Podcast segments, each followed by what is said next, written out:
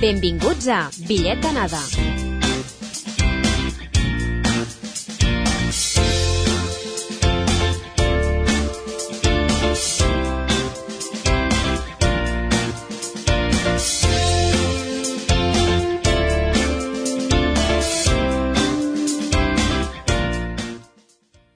Salutacions i benvingudes a Bitllet d'anada, el programa radiofònic que busca descobrir nous mons i deixar els prejudicis de costat.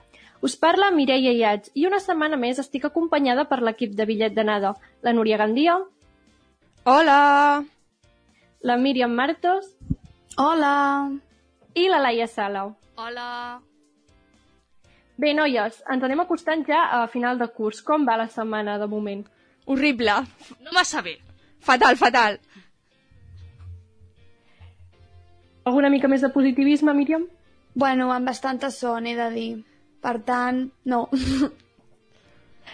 Com segurament ja sabreu, oients, nosaltres cinc som estudiants de periodisme i, per tant, tenim sovint l'oportunitat o l'obligació, a vegades, d'escriure. Ara bé, sempre des d'un punt de vista més aviat objectiu i parlant sempre sobre fets reals, òbviament. L'escriptura, però, va molt més enllà de l'àmbit periodístic. Es poden escriure cartes, es poden escriure novel·les, es poden escriure poemes i es pot escriure sobre milions de temes diferents, mm, reals o, o fantàstics. I és per això que estem avui aquí, per mostrar-vos què està de moda escriure, repassar una mica la història de l'escriptura i, sobretot, per demostrar de què som capaces nosaltres d'escriure. Així que, tant si sou escriptors professionals com si no escriviu un text des que anàveu a l'escola, no us perdeu aquest programa.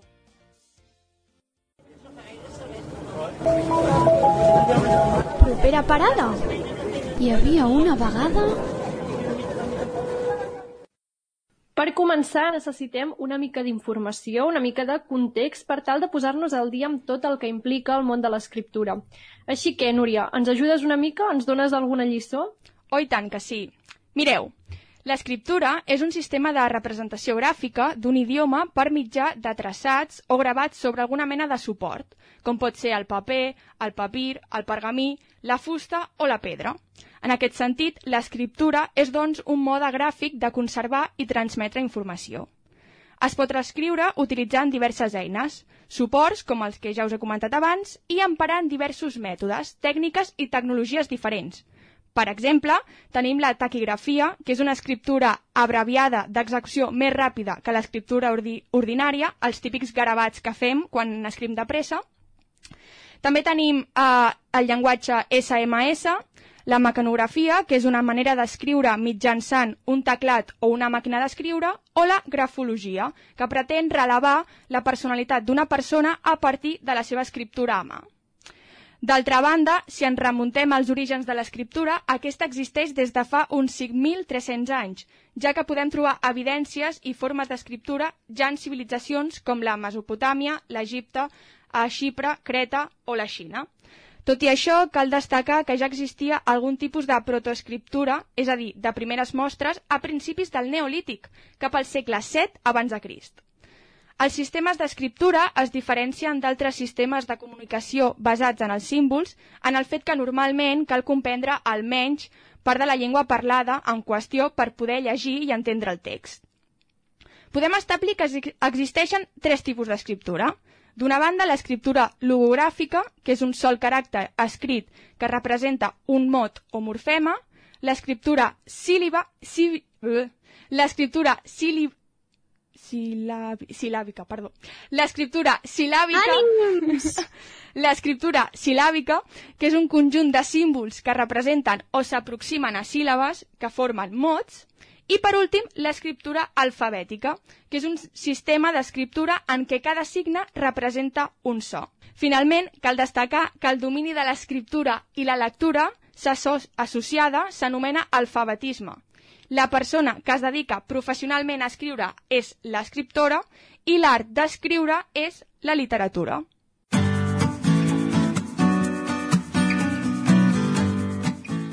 Doncs bé, amb aquesta explicació de l'escriptura jo crec que ja ens podem atrevir amb els escriptors i escriptores. Laia, ens ho has posat gaire difícil? He de dir que m'agrada molt el tema d'avui. Ja us confesso que admiro molt la gent que sap escriure bé i li surten històries increïbles. Per tant, d'això anirà aquest quiz. serà un petit homenatge a sobre aquests escriptors i escriptores i vull pensar que tampoc us he posat de gaire difícil. Esperem. Vale, noies, pregunta 1. Quin és l'escriptor o escriptora que ha venut més llibres? Opció A, Charles Dickens amb Història de dues ciutats, Miguel de Cervantes amb Don Quixot, J.K. Rowling amb Harry Potter o opció D, J.R.R. Tolkien amb El Senyor dels Anells. A veure, Uh, jo crec que... Miguel de Cervantes, no? Jo crec que és molt difícil, eh? O sigui, Miguel de Cervantes, com a tal, quan es va morir, ell ja no venia més llibres Ah, en aquest veritat. sentit. És una trampa. Ja, en crec que el Qui- el. Quixot és s'han el- fet moltes edicions.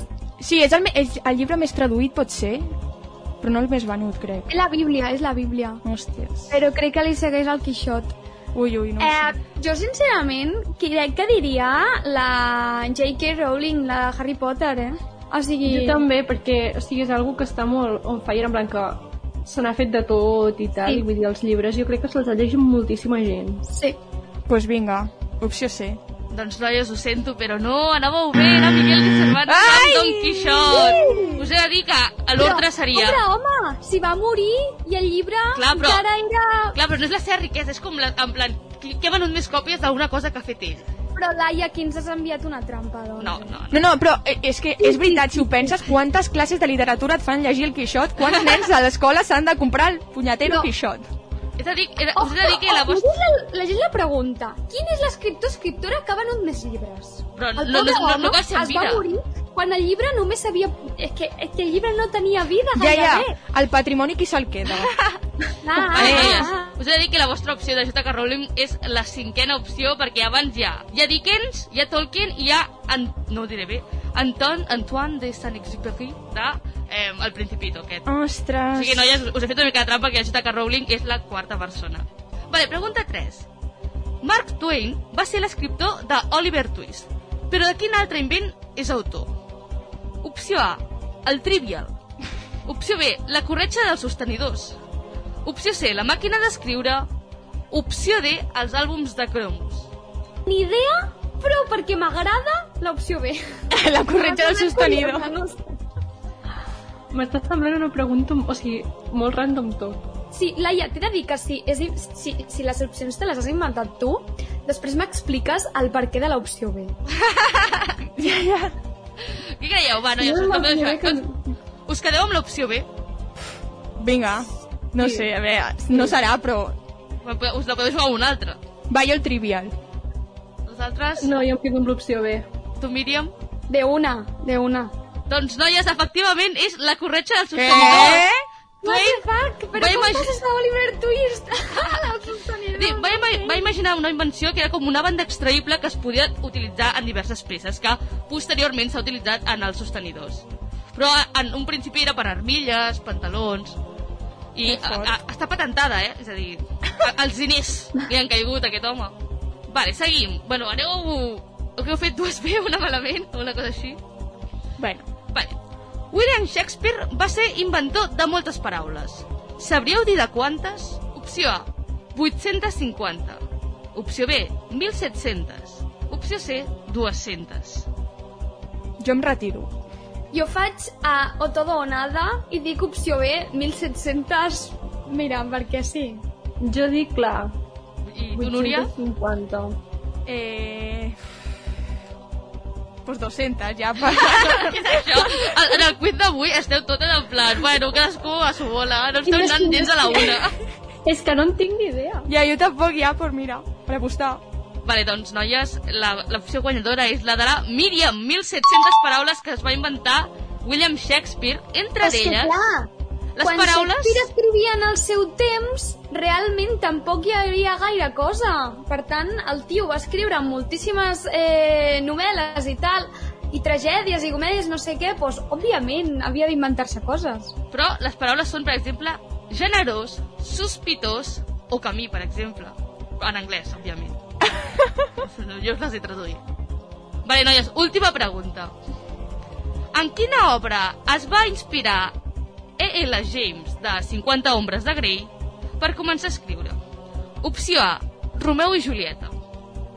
Opció B, Crepuscle. Opció C, orgull i prejudici. I opció D, donetes. Jo espero que no sigui Crepuscle, perquè si no... Eh... No, no, no. No crec, vamos. No, jo Crepuscle és el que descartaria. Mm. En plan així de primeres. Jo potser aposto per orgull i prejudici. Jo per Romeu i Julieta. Ja que parlem de Shakespeare, doncs pues mira, ale. Us recordo que és la- és l'autora de 50 ombres de Grey, tampoc no és literatura de qualitat, eh? Sí, sí, sí. Em, jo, sí. jo he dit Shakespeare, em, Romeu i Julieta, totes, No, no. Orgull i Prejudici, Sí. tu, Núria, i tu, Mireia? Uf, no ho sé. Jo diria més Romeo i Julieta, crec. Però no, sincerament no ho sé. D'acord, noies, jo us sento de veritat la decepció, però eh, la James es va inspirar amb Crepuscle. No! Va decidir que era... De caure, però Un mite. tantíssim. Va decidir que era el moment. Qui s'inspira en Mierdúsculo? O sigui, quin fas? Un moment.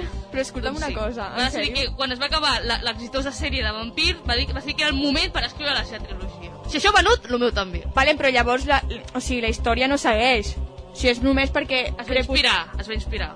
Clar, no, no, si no, si no inspirar com a tal, però va, va ser... Ara, és, el, és el meu moment, ara. Doncs, noies, crec que no us ha sortit gaire bé el quid. Clar, com que heu anat per separat aquest cop, no sé per què, però Ja. jo crec que... Crec que us ha sortit aprovat, eh, jo crec. O, o dos de, de cinc, o així, dos i mig. Som unes cracs. Parlem-ne, parlem-ne. Bueno, a, jo crec que a la següent millorareu. Bueno, deixa'm que ho dubti.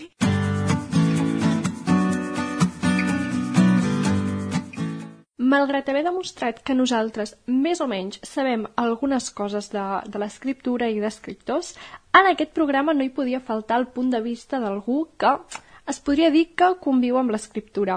Amb qui parlem avui, Míriam? Doncs aquesta setmana he entrevistat, he tingut l'oportunitat de parlar amb algú que podríem dir que s'endinsa en una nova forma d'expressió i és que ho fa mitjançant un perfil d'Instagram.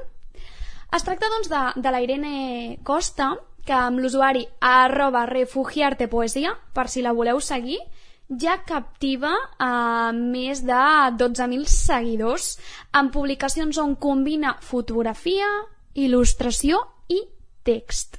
Podríem dir doncs, que el seu espai de reflexió és únic i que el comparteix amb el món el fa encara més especial, així que no us robo més temps i us deixo amb l'entrevista. El teu món, refugiar-te poesia... Quan algú accedeix a aquest perfil d'Instagram, es troba un perfil molt artístic a nivell textual, a nivell visual. Quan sorgeix aquest projecte i sobretot amb quin objectiu sorgeix Refugiar-te poesia? Doncs eh, aquest projecte va sorgir fa molt de temps, realment, el 2016, però tenia l'Instagram una mica abandonat. Llavors vaig treure tot el que tenia escrit perquè volia fer com un canvi d'aires i cap al febrer de l'any passat o així abans de la pandèmia, abans de saber que vindria tot el confinament, vaig tornar-lo a, a començar perquè em sentia molt inspirada i, i va començar amb l'objectiu de ser una teràpia per a mi mateixa i crear com un petit refugi per mi i per les persones, poques persones que em seguien en aquell moment, que eren 100, 200 persones, que la gran majoria eren família, amigues, però després va anar creixent i ha tornat un refugi no només per mi, sinó per més persones i, i la veritat és que és guai. Refugiar-te poesia, que és el teu usuari, el teu Instagram, la gent et pot trobar aquí. És un món, és un espai de reflexió pròpia, com has dit. Aquest nom d'on prové? Diguéssim, què vols expressar amb aquest nom? Què vols expressar en aquest perfil?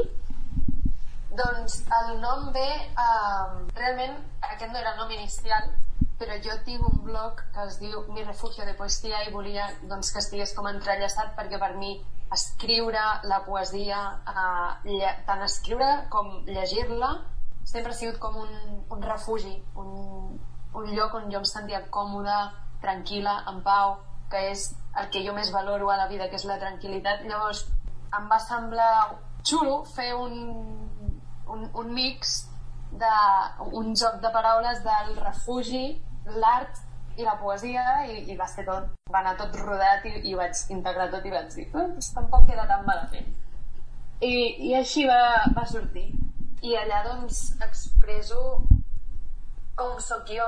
Potser no, no tot, tota la meva vida perquè hi ha coses personals potser que no, no, potser no toca o no ser tan explícita en el sentit de doncs aquesta persona m'ha fet tal o m'he sentit així perquè aquesta persona, sinó simplement des de on estic jo, que sento, que veig, que, que, que noto intento doncs, que sigui tipus com si fos el meu diari. A més a més de, del teu Instagram i del teu blog també fas prints, fas retrats per encàrrec, però aquest, això que fas tu, aquestes il·lustracions també les inclous en algunes de les teves publicacions. Quin sentit tenen aquestes il·lustracions, podríem dir, amb els teus escrits? Doncs eh, els retrats n'he penjat bastant pocs, o sigui, els, les il·lustracions que tinc penjades són perquè a mi em venen de gust, la gran majoria potser sí que hi ha algun retrat que he penjat. Eh, doncs moltes vegades he escrit alguna reflexió i busco una referència per fer un dibuix i, i llavors el faig, o a vegades és al revés, que dic, ostres, quina imatge més bonica, necessito fer un dibuix d'això i, i expreso el que sento i, i, i és això, tenen aquest, aquesta relació. Ara potser em poso una mica la vida de l'artista, però ens podries fer cinc cèntims d'aquest procés de pensament, reflexió, creació, no?, que hi ha darrere aquesta publicació? Doncs uh, moltes vegades, eh, bueno, vaig començar sent jo només amb aquestes 200 persones i era la meva reflexió doncs, del que sentia en aquell moment. Eh, va haver-hi un moment en el que el procés de creació era més al revés, que estava més pendent de lo que volia el públic, llavors jo com que em forçava a intentar escriure sobre alguna cosa, però això no, no funciona a mi. Jo, si una cosa no agrada, a mi em sap molt de greu, però jo el que sento doncs és, és això. I el procés exacte és... Moltes vegades tinc el mòbil patat de notes que em sorgeixen en aquell moment i, i després necessito desenvolupar perquè és que si no tinc un lloc on apuntar-ho llavors ho perdo i és terrible. I, i necessito fer-ho a l'instant. Si no se me'n va Creus que abans has fet referència, bueno, ara mateix has fet referència a aquest fet de que abans escrivies una mica per acontentar, podríem dir, però creus que aquest pas del temps, la popularitat, ha, ha fet canviar la teva manera d'expressar i de crear? I, I si ho ha fet, cap a bé o cap a malament? Doncs al principi és això que et deia, al principi sí que sentia que era jo al 100% i va haver-hi un, un, un moment sobretot crec que a l'estiu vaig fer com un peron i després de l'estiu, tipus setembre, octubre o així, que sentia molta pressió sobre haver de publicar cada dia, cada dia, cada dia, cada dia, cada dia més. Mirava molt les estadístiques, mirava quina hora havia de posar la publicació i era realment que m'obligava a escriure perquè si no sentia, dic, no pot ser que avui he perdut 5 seguidors i m'han seguit només 10, no sé què, i era com una pressió constant com de mesurar l'èxit d'un artista amb el nombre de seguidors que et segueixen i això realment no és així perquè eh, molta gent, ara no em vull posar jo així pessimista, però eh, molts artistes que ara els tenim a un pedestal se'ls ha reconegut l'obra quan ja han mort i, i són uns artistes, eren uns artistazos i, i les seves obres valen moltíssim i, i realment l'èxit no es mesura en això, però sí que vaig notar molt el canvi eh, però arrel de fa un mes, just avui, vaig tenir un, un accident de cotxe eh, bastant, bastant fort, o sigui, estic viva de miracle. Eh, la vida és molt curta i no es pot fer content a tothom. Llavors, com és el meu espai i és el meu refugi, és la meva manera d'expressar-me i a qui li agradi estaré encantada de que formi part i si no, doncs em sap molt de greu, però, però és, és el que hi ha. Em sembla una reflexió molt, molt acertada en aquest sentit.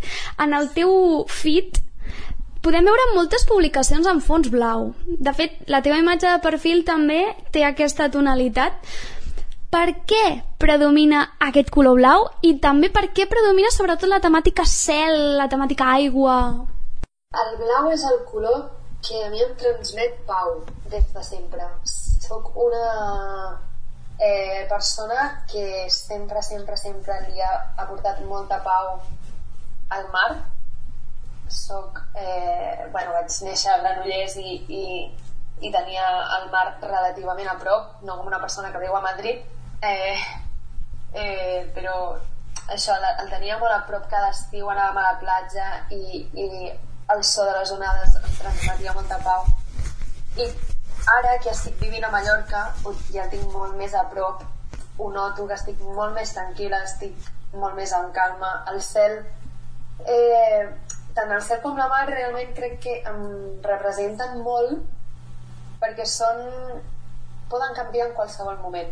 Són, poden estar molt tranquils, poden estar molt en pau, tranquils, eh, cel clar, i en qüestió d'un dia plou, fa tempesta, la mar està esbraonada i, i jo sóc molt així, molt de...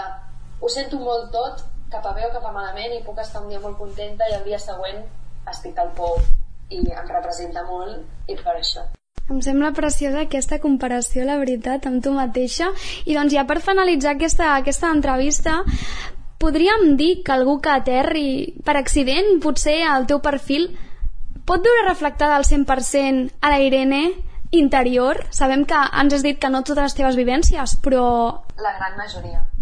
Eh, si no és el 100%, el 95% eh, estic allà perquè és que per mi jo crec que és impossible treure l'art de l'artista, no es pot... No, no, és, és una cosa inherent. L'art no existeix sense l'artista i l'artista, si no fa art, què és? O sigui, si no fa art, si no... No sé explicar-ho, però sí, jo crec que, que em veuen reflectida el 95% la, a vegades potser el 50 o a vegades fins i tot el 100% en alguna publicació però sóc jo en, en el meu màxim esplendor que, que es diu. Des d'aquí volem agrair a l'Irene que ens hagi dit perdre el seu temps per poder aprofundir una mica més en la seva forma d'expressió.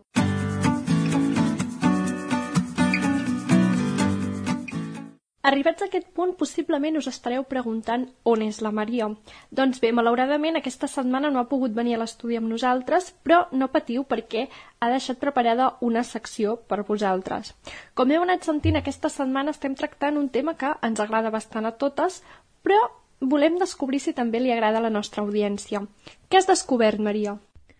Doncs la veritat és que totes cinc som bastant apassionats de l'escriptura i la lectura, la veritat, però a mi m'interessa molt saber si els nostres oients doncs, també ho són. Jo vull pensar que sí, però no jutjarem a ningú si no han llegit res des de que van llegir Jerónimo Stilton quan teníeu 9 anys. De veritat, mm, a nosaltres no ens importa. Doncs bé, jo vull començar amb una pregunta molt senzilleta per veure realment quines són les preferències de les persones que ens escolten. Creieu que prefereixen llegir o escriure? Prefereixo llegir i m'agrada molt més. Eh, és una tècnica que faig servir per evadir-me de la rutina. He provat d'escriure, però em resulta molt més interessant i satisfactori llegir. Doncs la veritat és que m'agraden bastant les dues. Eh, si hagués de triar alguna, em quedaria amb llegir, però perquè és més fàcil que escriure. Preferís llegir perquè em suposa menys esforç i perquè al llarg de la meva vida ho he practicat més i puc llegir el tema sobre el que llegir i normalment l'escriure l'associe a obligatorietat. He de dir que m'esperava que guanyés la lectura, però no d'aquesta manera tan exagerada. O sigui, no m'esperava una victòria tan rotunda per part de la lectura. Però bueno, tot i això, sabem que tots els nostres oients doncs, han participat almenys a uns jocs florals a la seva vida, perquè a primària era lo típic que ens feien, ens obligaven a participar, no? Però creieu que han guanyat algun premi? M'és igual si és primer, segon, tercer o premi a l'esforç. Jo vull saber si els nostres oients han guanyat algun premi en uns jocs florals. Sí, vaig guanyar uns Jocs Florals a la primària per un conte que vaig escriure i uns a l'ESO també per un conte. Sí que m'he presentat a els Jocs Florals, però mai no he guanyat.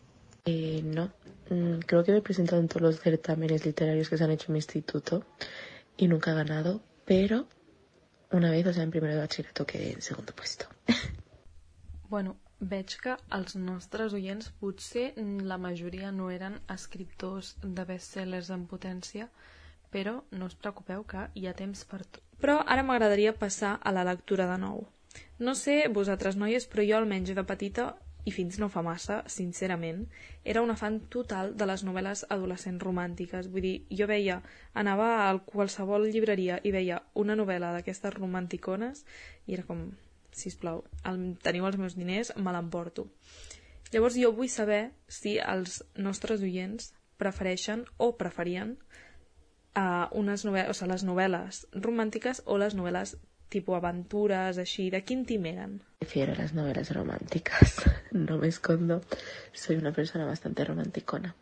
La meva temàtica preferida és la ciència-ficció o la fantasia, per tant escolliria les novel·les d'aventures, però també m'agrada que tinguin un toc romàntic, però si hagués d'escollir entre aquestes dues, d'aventura o romàntica, escolliria només d'aventures. Doncs jo crec que no han de per què estar renyides. Jo crec que una novel·la d'aventura romàntica pot estar superbé. Per acabar, doncs jo vull parlar d'un tema sobre el qual vull saber l'opinió dels nostres oients. Jo no sé vosaltres, jo seré molt sincera, però des de fa potser 5 anys no llegeixo ni escric la meitat del que ho feia abans, ni la meitat ni un 10%, sincerament. Ja sigui perquè em discrec amb qualsevol altra cosa, com per exemple mm, el mòbil, o perquè simplement ja directament no tinc temps per agafar un llibre i posar-me a llegir més de 3 pàgines seguides o de posar-me a escriure i aconseguir escriure quatre frases seguides. Llavors, jo necessito saber si això és una cosa que no passa només a mi o també passa als nostres oients, perquè és veritat que jo no sé per què la gent que ara tenim això, doncs, 18, 20, 23 anys, mm, de petits llegim un munt i ara, doncs, pràcticament la majoria ja no ho fem. I vull saber si és el cas dels nostres oients també o si ells segueixen llegint i escrivint tant com ho feien abans. Con pequeña te refieres a cuando tenía 14, 15, 16 años, lo que es la preadolescencia, adolescencia, sí, y lo sigo haciendo actualmente, solamente que con la diferencia de que cuando era pequeña escribía, en plan, me inventaba historias de cualquier tipo de aventuras, ciencia ficción, románticas, y ahora escribo más sobre mí. No, no es como un diario, pero más o menos escribo sobre mí, lo que, lo que me pasa, cómo me siento la gente de mi, alrededor, de mi alrededor, lo que me rodea. De petita ni llegia ni escrivia i és molt curiós perquè ara, amb 21 anys que tinc, m'encanta la lectura, eh, és, és pràcticament un dels meus eh, majors hobbies i sí que durant l'adolescència, als 15, 16, rondant els 17 anys, escrivia molt tot el que em passava per la ment, tot el que sentia per expressar els meus sentiments i intentar com fer una mena d'introspecció en mi mateixa. De petita sí que llegia molt i ara ja no llig tant, tant per falta de temps com per poca motivació. Però últimament he tornat a trobar la gana de, de llegir i estic eh, llegint més.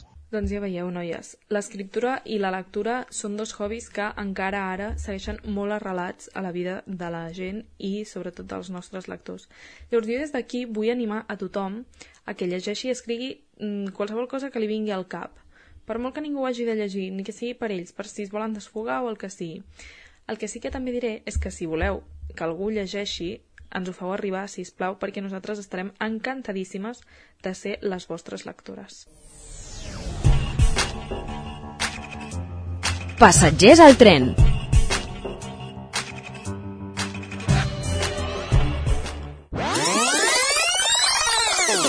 Pots dedicar a la teva mare, al teu pare, al teu germà, al teu gos... No, no, no. La Míriam va voler-hi dedicar un semàfor. Lo d'escriure tampoc és una cosa que m'apassioni moltíssim i crec que prefereixo més llegir i disfrutar del que escriuen els altres. Em dona la sensació d'haver set la típica nena rara que escrivia sempre i crec que en certa manera ho segueixo fent. Escrivia com coses molt bones sobre animalets, insectes... Crec que ara no seria capaç d'escriure una cosa semblant. La veritat és que l'he disfrutat molt, tot i que s'ha de dir que crec que escric pitjor del que escrivia de petita.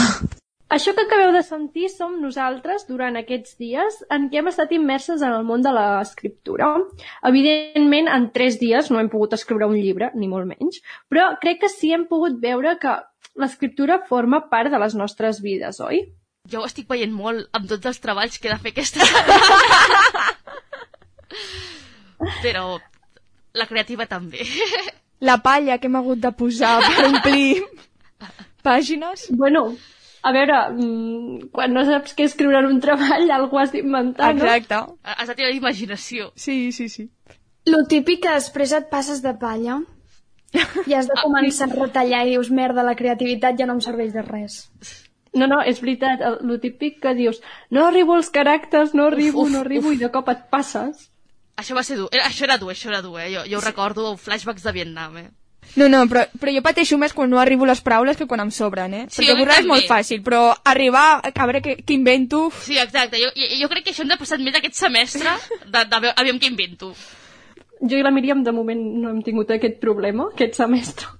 Bueno, com- vosaltres bé. d'escriure en italià, que jo crec que és pitjor també, perquè escriure en un altre idioma i sobre haver de posar palla, jo crec que encara és més No complicat. creguis, ens dediquem a transcriure el que diuen en videoconferència, eh? Tampoc anem gaire més enllà, vull dir... Per, per sort, aquest semestre, almenys jo, no he hagut d'escriure grans treballs ni, ni molt menys. Bueno, pues, que continuï així, Sí, almenys. sí, sí. Esperem. Està, està bé. Treballs a part, però escriviu, vosaltres? Jo ara fa molt que no. Jo no, la veritat. Jo no, però és que sí que vull. Aquest és el punt, però no trobo el temps ni sobre què escriure, entens?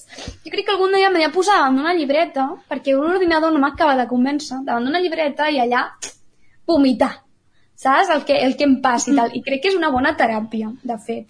Així De l'estil no- diari, temps- com a diari. No, perquè...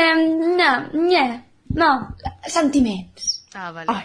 No, jo t'entenc, Míriam, a vegades a mi em venen com això, com l'inspiració i tal, i a vegades dic, ho escriuria, però a vegades estic, jo que sé, fent alguna altra cosa i tal, i no, no puc, perquè tampoc ho vull fer a l'ordinador, o sigui, m'agrada- m'agradaria escriure tipus una llibreta i tal, i sí que és veritat que a vegades, en moments que puc, ho faig, i llavors penso, ho passaràs com a net, i això ja aquest moment mai arriba, i, i em quedo amb els, amb els textos plens de tot tatxat i tal, però bueno, igual algun dia. Jo crec que el problema és que som una societat tan, tan estressada que ni per aquests moments de relax tenim temps. Exacte. Creiem que no tenim temps. Sí, sí. Si no, No, que és veritat, a vegades és com... T'agradaria escriure, però clar, escriure porta el seu temps. No pots, en plan, no és com vinga, pim-pam, i ja està fet. O sigui, porta el seu temps i a vegades dius vale, sí, voldria escriure això. I a vegades m'apunto a, a, a les notes del mòbil o en qualsevol paper, en plan, algo com la idea d'això del que m'ha vingut pensant. En algun moment, quan tingui temps, ho faré i aquest moment, pues, sincerament, mai arriba. Mai arriba. Jo és que prefereixo com gaudir del que escriuen els altres, eh? En plan, llegir. Sí. sí, sí, Sí, totalment. Jo me'n recordo, és a dir, que sí que escrivia sobretot quan tenia com una motivació de l'estil jocs florals, aquestes coses que, com que hi havia data límit, doncs era, vale, he d'escriure un, una història o he d'escriure un poema per aquesta data límit. Llavors sí que ho feia, llavors, i m'ho passava bé escrivint, no m'ho no prenia com una obligació, perquè al cap i a la fi no em pujava la nota i potser no guanyava, saps? Però en aquest moment sí que era com, vale, ho faré. Però quan no tens com la pressió de ho has d'entregar aquest dia o alguna cosa així, a mi em costa més. Clar, o sigui, a mi de petita o quan estava a l'escola sí que escrivia molt més perquè ens deixaven temps per escriure. Sí. Doncs això, textos i tal. I això era molt guai, i això ara no ho tenim i és com, pues, M'acabes de desbloquejar un record de l'escola primària, que és que ens feien comprar una llibreta i cada setmana havíem d'escriure un text random que ens hagués passat alguna cosa, vull dir, que fort, encara la tinc, eh? Llàstima Sí, que sí, la tinc una mica lluny, però... nosaltres també, en plan, teníem, em sembla que era, tipus, el divendres al matí, era com per escriure, en plan, que volies escriure mm, què havies fet, mm, no sé, què volies fer el cap de setmana, volies escriure sobre una història així inventada, el que volguessis, i imagineu-vos tenir-ho ara, saps? Jo recordo que a l'escola de primària crec que no ens feien ser tan creatius, és a dir, sí que ens feien creat ens donaven creativitat a l'hora d'escriure, però potser ens imposaven, jo què sé, escriviu, reescriviu un conte clàssic o feu un diàleg divertit, coses així. Jo en, en plan recordo que sisè de primària d'escriure bastantes coses, però bastantes coses com més o menys imposades de manera original, diguem. Però el de la llibreta no ho tenia jo. jo I tant de bo ho hagués tingut perquè em sembla una idea molt guai. Jo tenia com una mena de llibre, però cada setmana passava per una casa. Llavors, aquella setmana et tocava tu escriure una història i després passava un altre company. I així, al final, tenies com un llibre tot de històries guapes. Amb mala lletra, però sí. Clar, bueno, sí. però era molt... A veure si l'haig de trobar, a veure si encara el tinc per casa. I preferiu, amb, o sigui, tu, per exemple, Laia, deies que eren, el que feies sobre l'escola eren com temes que us marcaven. Sí. Preferiu això, tipus, per escriure que us diguin, escriviu, tipus, un tema encara que sigui general i que tu a partir d'aquí escriguis el que et surti, o en plan, escriure si- simplement. Perquè, tipus, jo recordo moments, sobretot, tipus, bueno, això, escola, potser més cap a l'ESO, això que si deien, fes un text i a vegades estaves tipus, sobre què escric? Dóna'm alguna idea, si us plau. Sí, sí, sobre el que tu dius, Mireia, estic molt d'acord, perquè és veritat que, clar, quan tu escrius, eh, escrius normalment sobre el que tu saps, en plan, no, no et posaràs com a innovar, llavors, quan t'imposaven com un tema, entre cometes, que tampoc no vull dir imposar, perquè era com la feina, saps? Però sí que potser havies de pensar una mica més, o havies d'explorar un, una part de la teva cre- creativitat que no havies explorat.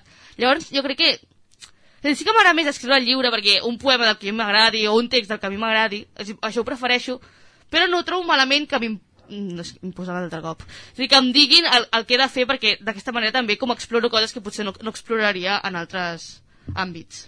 Jo també haig de dir que, si us plau, professors de la ESO, deixeu de manar redaccions del tipus mm, les meves vacances, els meus pares, els meus amics. Si us plau, ja passó, ja passó. Una cosa, si a l'ESO et feien escriure sobre la teva família, jo no sé quin institut anaves, eh? T'ho juro. No, no, a l'ESO no, a, ba- a primer de batxillerat. No, no, a primer de batxillerat, el meu profe Paco, si m'estàs sentint, t'estimo, però, si us plau, no vull... Eren redaccions del pal, t'ho juro, les meves vacances. Que, vale, una cosa, a primer de l'ESO, vale, però a batxillerat, prou. Dur, eh? Sí, que sí. que són temes molt típics de redaccions d'anglès. Sí, És sí. d'aquells, no? Però... Bueno, però anglès encara, El meu, encara. el meu hobby també, no? En plan...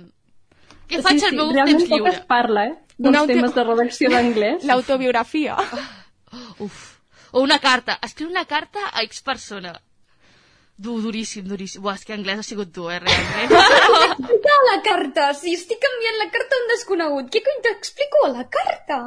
Jo, el pitjor és que havies de fer veure en plan estimat amic, no sé Sí, què. sí. en plan, Love. Tal qual. Foc se'n va. És que, clar, els idiomes suposo que són coses que se't suposa que és de... Ah, és a dir, serveixen per la vida real, però jo crec que mai enviaré una carta al desconegut, en plan, i menys d'aquest pal de Super Happy Flower, que la meitat era... M'he d'escriure en plan, com si estigués retrasat, és a dir, en plan... Un drama, eh? Perquè, mare meva. Però he de dir que no vaig ser del nivell aquest de, de la Núria de fer redaccions que no Sí, sí, fossin en jo sí. anglès a, T'ho a batxillerat, eh? I, I, en plan, tipus, què us agrada més escriure a vosaltres? Tipus poema, tipus text, text o tipus novel·la? Quan em posi a escriure t'ho diré. A mi m'agradava molt escriure... no sé què dir-te.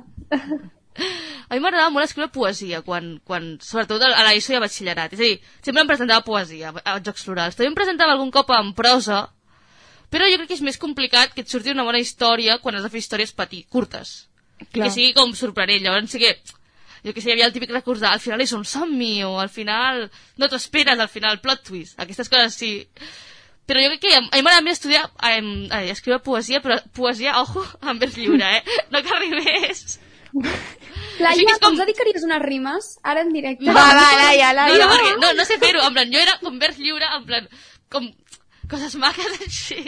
molt trist, molt trist. No, jo de dir que tiraria més per la novel·la, eh? Perquè jo ho, ho diu la poesia amb tota la meva ànima, no l'entenc, em Però, costa però, molt... però, però, però, però si és la cosa més meravellosa... Però què dius? No, no, és Preciosa. horrible. No s'entén. Jo l'odio tant, però tant... Però és que a sobre, jo si havia de fer poemes, era la típica de mar, cantar, A R, R. a R, R, on, on... T'ho juro, però unes rimes flipaves. A mi és que, en plan, tipus, si, si l'he de llegir m'agrada molt la poesia, però per escriure, o sigui, no, no, tinc, ti- o sigui, m'ha de sortir molt de dins perquè, ui, ui, no, no, no, acabarien sent com rimes i merdes forçades que no, no, no val la pena, no val la pena, o sigui, 100% prosa, jo almenys. És que has de ser Em- molt em filosòfica. moltíssim.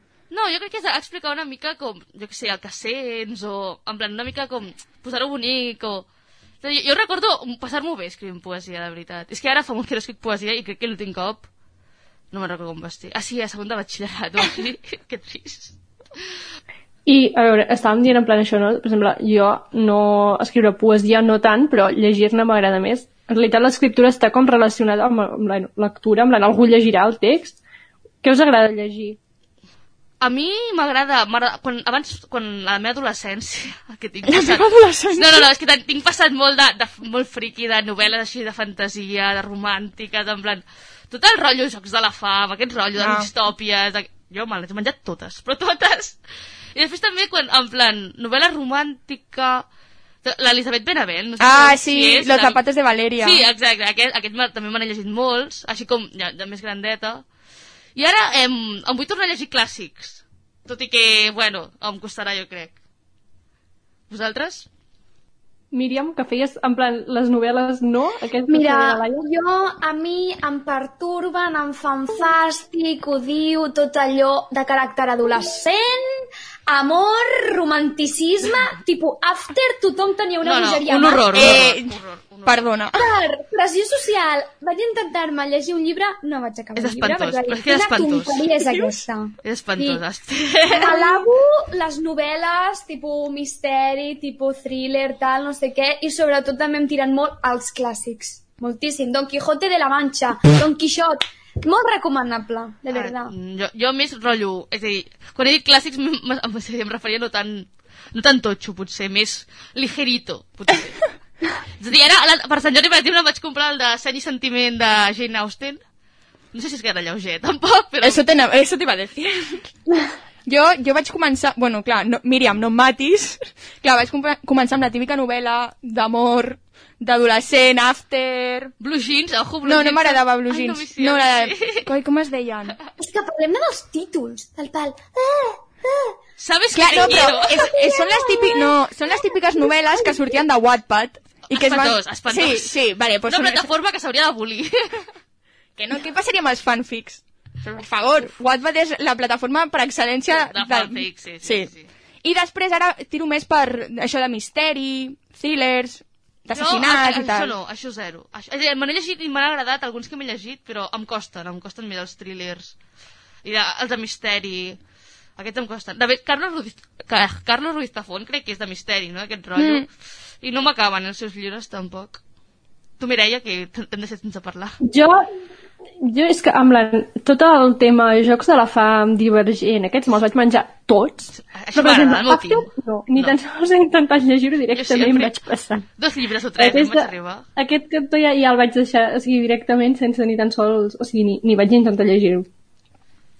I ara, no sé, ara estic com en una fase de menys novel·la, en plan llibres més tipus informació i tal, i no tant novel·la, perquè no sé, estic en un punt que no acabo de trobar cap que em faci el pes com per llegir-ho. Rotllo assaig. Així. Quina mandreta. Sí, Ja, sí, sí, sí. eh?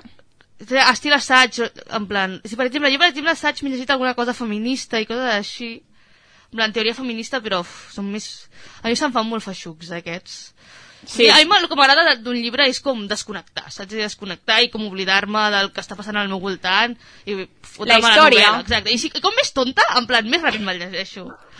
Sí, que també m'agraden les coses així que de pensar i de reflexionar A i mi no, tal. jo les odio, que, no, que no em faci pensar. No, 0%, 0%, tipus, ah, història del periodisme. Bé, basura. L'habita- L'habitació pròpia, parlem-ne d'una habitació pròpia. Ai, no l'he vist, no llegit jo. Eh, una fumada increïble. Aquí em matarà tothom, però és que horrible. No, sí, jo et mataré perquè a mi em va agradar moltíssim. Horrible. A mi m'ha agradat molt. Era un veritat. assaig, no? De, de, Sí, sí. Era en plan, Sí. explica, era com teòric. Sí, sí, era com una reflexió així sobre feminisme. I a mi em va agradar moltíssim, en plan, com el punt de vista des del que ho enfocava. Ja veig que la Núria no. És que no li agrada pensar, la Núria. No, no, t'ho juro. Però 0%, eh? No vull pensar. Clar, i ara vull treure un altre tema, que és això dels llibres obligatoris que et fan llegir a la uni o al col·le. Que clar, jo crec que costen més en, en aquests d'història. Potser, Núria, si te l'haguessis llegit per, pel teu compte, potser t'hagués agradat. No, O sé. Però ara ho estan canviant, eh? Al meu col·le s'estan llegint After. Què Una, dius? a l'institut, perdó, a l'institut, Ai, t'ho ai, juro, t'ho ai, juro, ai, te- ai, us ho ai, juro. superpoc educatiu. Sí, sí. Us ho juro, us ho juro. I Harry Potter, us imagineu arribar a primera ESO i dir, heu de llegir Harry Potter. Jo, Hola? Ja, jo em vaig llegir Home, Frena pues Canvi de Frena. Era com de... de... La cosecha de Samhain. Ui, quina fumada! Los niños tontos. Ai, vam jo llegir. també, jo també, horrible. Jo també vaig llegir Los Niños Tontos. Los niños tontos és molt guai quan li veus el transfons. És horrible. Sí, és horrible. És horrible. és horrible. El nen piròman que crema la casa, no sé què, i els colors i tal, i... Ui! Molt bé, molt bé, molt bé. A mi, saps quina lectura? No sé si la vau llegir, crec que sí perquè era obligatòria, que em va agradar moltíssim La casa de Bernarda Alba. Sí, sí. Eh, estava Ai, superxula, eh? A mi m'agrada més Terra brutal, Baixa. Brutal. Ah, està molt No, xula. i la plaça Vaig del anar a Diamant. l'obra de teatre Hmm. i mm, molt, molt bé tot, molt bé. A mi no em va desagradar Bernarda Alba. I la plaça del Diamant, La plaça del típica... Diamant Ua, molt. eh, també està molt La plaça xula. del Diamant em va agradar molt. Però veus, aquell, això és més clàssic, saps? Llavors, clar, jo crec que en això, jo hagués pogut arribar-me a llegir la Mercè Rodoreda per gust. Però, novel·les ejemplares... Uf! Tirant-lo blanc... Què dius? Tirant-lo blanc, Dios! Però he de dir que, per exemple, no sé als vostres instituts, però el meu és com que, tipus, si hi havia tres trimestres, fèiem dos trimestres de lectura obligatòria, en plan aquest llibre i aquest llibre, i el tercer ens deixaven escollir quin. Així ens havíem de llegir obligatòriament un llibre, però ens deixaven escollir quin. Però era una llista? Donaven una llista o no? No, no, no. no a mi no, a mi sí, em donaven una llista i era en plan... Ah, no. A mi- això em vaig... Hosti, examen. Exacte, igual. Tres trimestres, tres llibres obligatoris i apa. Sí, sí, sí. No, No no sé. doncs jo tenia només dos. El tercer és com que el podíem triar, llavors feies com més un treball que un examen, i ja està. I llavors, o sigui, realment estava bé perquè, a més a més, solia ser el tercer trimestre, ara que ja estàs com més cansat de tot, i podies llegir alguna que realment t'agradés. Però és que llavors potser hi ha gent que llegeix el, el, el llibre del Rubius o el de la Paula Gonu, alguna cosa així, Què no? dius, tia? A l'ESO? A l'ESO? Ai, això, Eh, la- és que eh, això una no cosa. hauria d'aconsellar això. És que no, hauria d'estar prohibit. Què m'ha de venir mi un influencer a, a dir-me la seva vida? Escriure un llibre, a sobre, a, a, a, vamos, guanyar una de diners a costa dels seguidors? Mare meva, mare meva. Clar, us anava a demanar, en plan, hi ha molt la controvèrsia dels llibres escrits per influencers en el sentit de que potser estan trigant el lloc d'un escriptor per publicar un llibre i a vegades els llibres és que pràcticament no tenen ni lletra. Clar, no és sé que com és això. Sí, sí. Exacte, és, és, una nova, és el punt que anava a dir. És a dir, em fa ràbia que hi hagi llibres que és, és a dir, com que el, el, a la, la persona influencer no sap, bueno, no sap escriure o tampoc no té el do de la literatura, posa com dos frases, una foto seva així supergran d'Instagram, que és en plan 17 euros. Perquè és a dir, jo mai m'he comprat un llibre d'influencer ni res, eh, no me n'he llegit cap, mai, cap. Però, i també, me'n recordo, en, en, aquest cas, els triomfitos, no sé si recordeu, els del 17, també van treure llibres. I el Flavi i la. Samantha també ara. I que tots són dos frases per, per, per fulla. 20 pavos. Que així com que no la cosa, 20 pavos. I Però ja que s'aprofiten, que ja tenen la, la, en plan, el públic fet i ja saben que vendran almenys una quantitat. Tu quan escrius un llibre de pel teu compte no saps si es vendrà o no. Ells ja ho saben que sí. I s'aprofiten. És que és tipus merchandising, de veritat, merchandatge. És tipus merchandatge. És com... Eh, Exacte. Però és que mira, si ja té més de 20 línies la pàgina, i per mi ho, ho, ho considero que, que és com un bon llibre, no? Perquè, en plan, és que dos, dos frases. Dos frases, és que em sembla insultant. O directament, alguns ja, ja passen d'això. Que ah, hi havia un del Rubius que era com que podies trencar el llibre... O, No, clar, el com- destroza este diario, no? No, no, no, però era, Ah. era més... És a dir, aquest, aquest està ben fet perquè està fet com... És, currat perquè no, no és de youtuber ni res. Però el Rubius era rotllo. Enganxa aquí, fes un... Fes un... Com es diu? Una broma, no sé què, no sé què.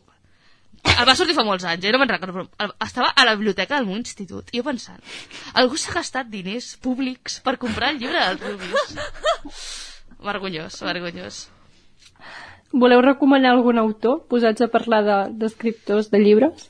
Ai, jo sí. Javier Castillo, és que és un... Raf... Buah, em, em flipa. Què, què, què, què ha escrit? El novel·les de, de misteri, thriller... És increïble. Si us agrada aquest tipus, us ho juro, eh? A mi em flipen tant, però tant. M'encanta. Jo vull recomanar, aviam, l'Elisabet Benavent, però no, no necessita publicitat, t'he de dir, sincerament, perquè ja ven moltes còpies. I ah, el guai és que són llibres en plan... A dir, no, és a, dir, és no, a veure, ara potser queda una mica malament, però es poden aconseguir molt fàcilment aquests llibres de les bíblies i coses així, i no cal que te'l compris. I són, en plan, té com... Són trilogies o novel·les així curtes, que són de 500 pàgines, però és que ja us ho dic que es llegeixen en 3 dies. En plan, jo tinc una lectura molt ràpida, eh, però es llegeixen molt ràpid. I no sé, m'agradaria recomanar algun autor també més així per quedar millor, però ja, ja ho penso. Vosaltres, Míriam i Mireia? Jo recomanar-vos Cristina Fernández Cubas, que em vaig haver de llegir un llibre a segon de batxillerat, que era Mi hermana Elba i los saltillos del Brumal, que és una història super random, però m'encanta la forma en què ho escriu. És tipus Niños Tontos, Uf, però Uf. en plan, i relat llarg, i també Dan Brown, que Dan Brown em flipa moltíssim, és el... Pocs llibres me'ls acabo ràpid i els seus volen, vull dir... I de poesia, No que ah, no sé què li, havia agradat. Carlos Miguel Cortés, que en plan, sí, és super poc conegut, crec. Però t'ho juro que tinc, no sé per què, el, va- vaig descobrir un llibre seu i com m'he comprat tota la resta de llibres fa uns anys. Molt guai de poesia, molt, molt, molt guai. Jo recomano com a clàssics Garcilaso de la Vega perquè la forma de transmetre és sensacional. Eh, mm. He de dir, clar, és que en literatura espanyola realment hi ha molts autors i jo ho vaig gaudir molt quan els vam estudiar a quart d'ESO, la literatura espanyola de em, el que és el Garcilaso, Cernuda, crec que també hi havia, Becker, Machado... A mi aquests em van agradar bastant, aquests tres. Bé, ja per anar tancant, eh, crec que està clar que aquest repte està superadíssim, que ens encanta aquest tema. De fet, possiblement, si no ens agradés mínimament escriure i llegir tot plegat, ja no ens haguéssim ficat a una carrera com és periodisme, directament haguéssim tirat per un altre cantó. Però, per acabar, m'agradaria fer-vos una pregunta, que és si us agradaria que us publiquessin algun text més enllà de, de l'àmbit periodístic. En plan, us faria il·lusió com publicar un llibre o... A mi em fa respecte aquest, aquest tema. És a dir, és una cosa que quan era petita m'hagués agradat, rotllo, que a mi m'agrada molt escriure i tal, però crec que és complicat, jo crec. És a dir, per treure una basura com els influencers, doncs no. Llavors, si trec algú, doncs m'agradaria que, que fos en plan meu i tal, però com... És dir, que no fos un assaig, o... m'agradaria que fos una novel·la, segurament, o alguna així. O sigui, en plan, o sigui, possible, o sigui, com jo, treure un text perquè el text val la pena, no perquè siguis tu, per dir Sí, alguna clar, cosa. exacte, exacte. Per mèrits propis, sí, perquè el que estàs escrivint realment val la pena i no em Exacte. publiquen perquè sóc famosa. Exacte, exacte. Núria? Una Sí, no sé. És el típic de que en aquesta vida has de plantar un arbre, no? Que et publiquin un llibre i alguna més. Plantar un arbre s'ha fet. Sí, sí, jo ja ho he fet. tenir Ara, un fill. és una cosa I menys. tenir un fill. Exacte, doncs pues ja està, és lo típic, no? Doncs pues mira. Pues sí. Doncs, a veure, quedarà en blanc com segona part d'aquest repte algun dia escriure un llibre. Sí, sí. Bé, abans d'acabar, però, volem donar les gràcies a totes aquelles persones que cada setmana ens doneu feedback a través de les xarxes socials. No deixeu de fer-ho perquè ens agrada moltíssim veure com cada vegada us aneu fent més vostre aquest programa. I si encara no ens seguiu, agafeu el mòbil, que segur que el teniu ben a prop, i busqueu-nos tant a Instagram com a Twitter amb el nom de bitllet d'anada barra baixa. I si us heu perdut algun dels anteriors programes o els voleu tornar a escoltar, podeu recuperar els podcasts anteriors a Spotify i podeu tornar a veure els bescanvis a YouTube, tot sota el nom de bitllet d'anada. Canvi de via.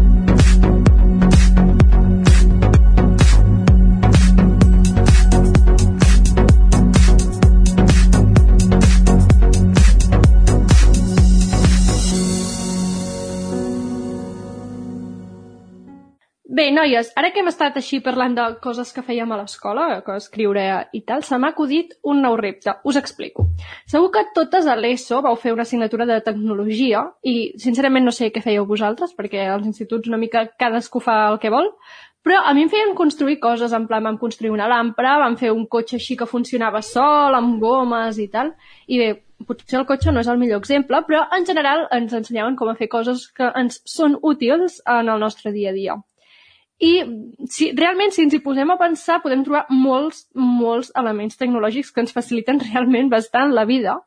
I cada vegada més pels avenços que hi està últimament, sobretot, i amb temes, per exemple, d'intel·ligència artificial. No sé si ho heu pensat mai.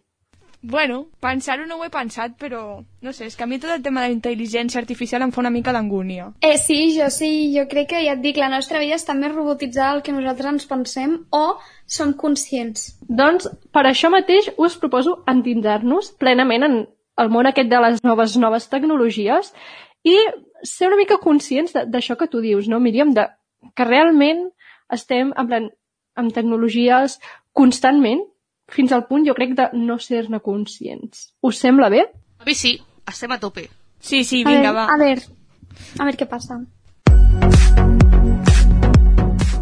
Doncs sense bitllet d'anada ens acomiadem fins a la propera missió. Esperem que hagueu gaudit del programa, hagueu après alguna cosa i sobretot hagueu passat una estona ben entretinguda. Abans d'acabar, però, us volem recordar que si encara no ho feu, ens podeu seguir tant a Instagram com a Twitter amb el nom bitllet d'anada barra baixa per no perdre res i seguir tots els reptes. Això és tot per avui. Ens tornem a escoltar d'aquí dues setmanes de nou a Ràdio 4 i a UAB Campus Mèdia. Bon viatge!